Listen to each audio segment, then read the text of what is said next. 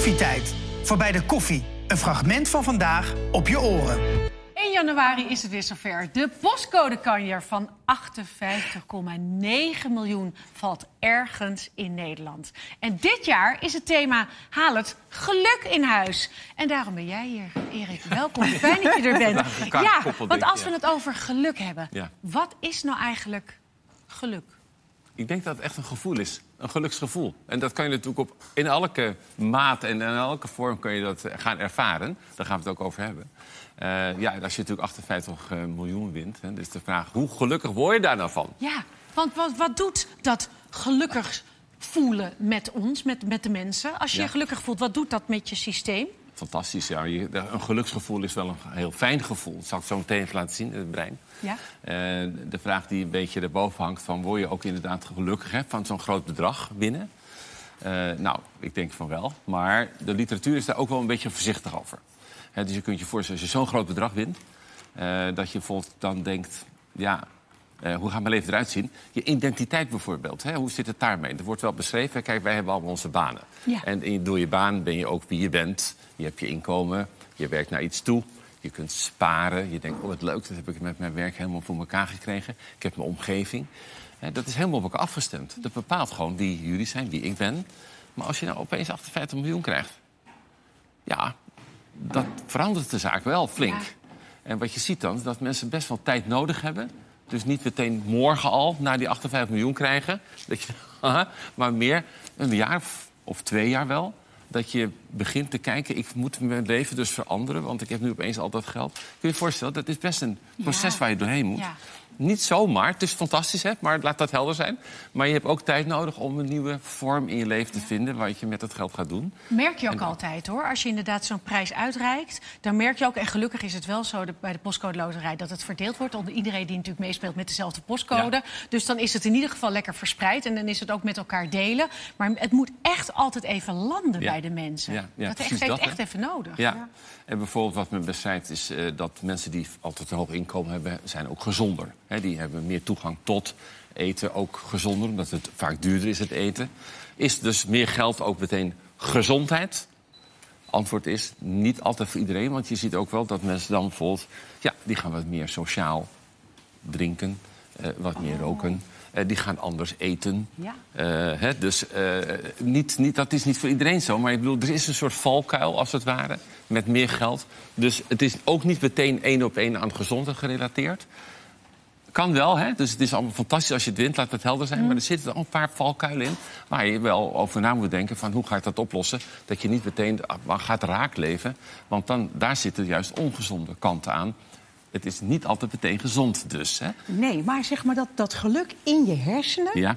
hoe werkt, Werkt dat? dat? Want waar wordt dat nou zeg maar aangemaakt? Want je Ja. hebt dat niet voor niks Nee, meegenomen. precies. En laat ik een plaatje zien. Ja, graag. Ja. En dat geldt dus voor juist al het geluksgevoel, want daar hadden we het even over. Ja. En dat kan dus ook super klein zijn voor ons. Hè? Ja. Elk stapje dat we maken, elk dingetje dat je denkt, ja, geweldig.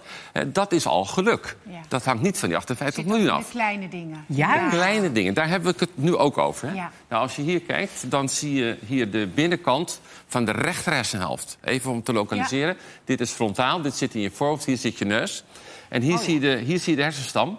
Eh, hier liggen de, liggen de meest eh, cruciale gebieden voor ademhaling, bloeddruk, hartregulatie. Al die kernen liggen hier. Ja. Maar hierbovenin ligt een Oh, nee, even terug nog. Even nog terug. Ja, hierbovenin ligt een van die kernen die hier liggen. Is de bron van dopamine. Is een van de neurotransmitters. Als we nou een verwachting hebben van iets wat gaat komen... dat kan die 58 miljoen zijn, maar dat kan ook dat kleine stapje zijn. Van, nou, iemand met bijvoorbeeld... Ik lig, zit mijn hele leven natuurlijk tussen de mensen. Ik werk met mensen met liefde, met schade aan het brein.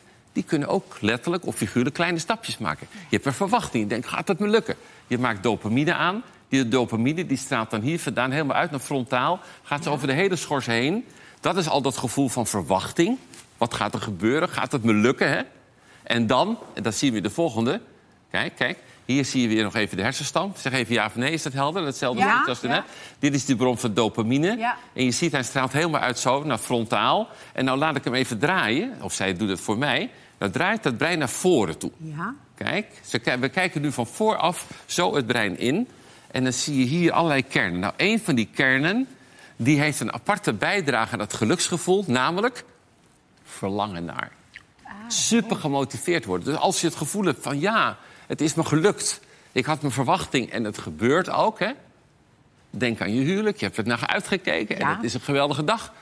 Geluksgevoel. En deze kern die draagt bij aan dat super verlangen naar. En dat geldt dus gewoon voor, nou, voor alles wat je in je leven wil bereiken, hoe klein ook. En dat ik, als ik zelf kijk in mijn werk met ontzettend veel liefde... met jonge mensen met hersenletsel, oudere mensen met eh aandoeningen van het brein... voor al die mensen geldt hoe klein stapje, hoe fantastisch. Ik heb nog een voorbeeldje mee. Wil u dan naar kijken? Ja. Graag. en dat is eh, Isabel, Isabelle van Hateren. Zij had eigenlijk gewoon leefd tot ze zes jaar was. Niets aan de hand. Vanaf zes jaar kreeg ze ernstige aandoening. Zodanig dat ze helemaal zeg maar, invalide werd. En spastisch ook. Hier zie je in het water, zag je, zie je er zwemmen. Dat zijn nog de mogelijkheden die, ze- die ze had. En dan is- zou je denken dat het geluk er niet meer zit. Nee, gevoel. omdat ze alles had ingeleverd. Maar ze kwam bij mij op college met haar moeder en broer Max samen. En dan zei ze, vertelde ze aan die studenten van... maar ik, als ik me weer met mijn vriendinnen ben... of als ik even kan laten zien dat ik echt wel kan lachen... en dat ik toch blij kan zijn...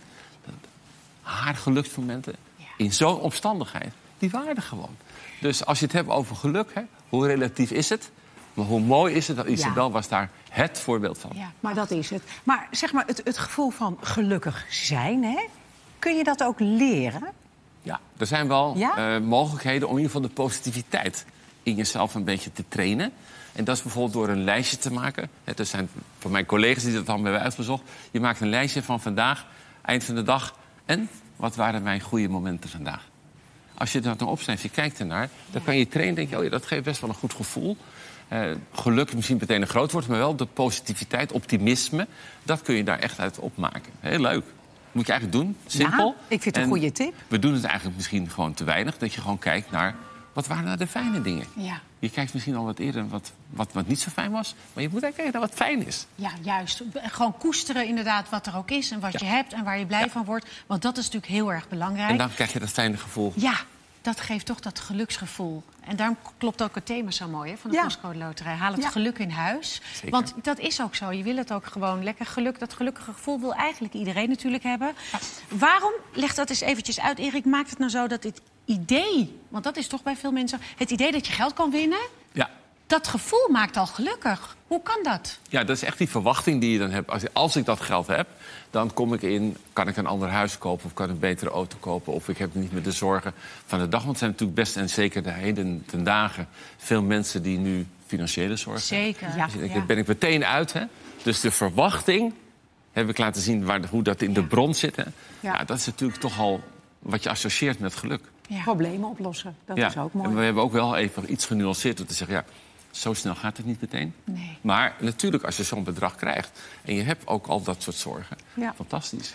Erik, ik ben heel benieuwd, want kijk, Sjaak is heel druk met zijn bot. Hoe gelukkig zou die nou zijn? Oh ja, als je, als je naar kijkt, word je ook gelukkig, Ja, de- toch? ja, ja, dit geeft geluk. Ja, omdat het gewoon Ja. een hele lieve hond is die... Ja.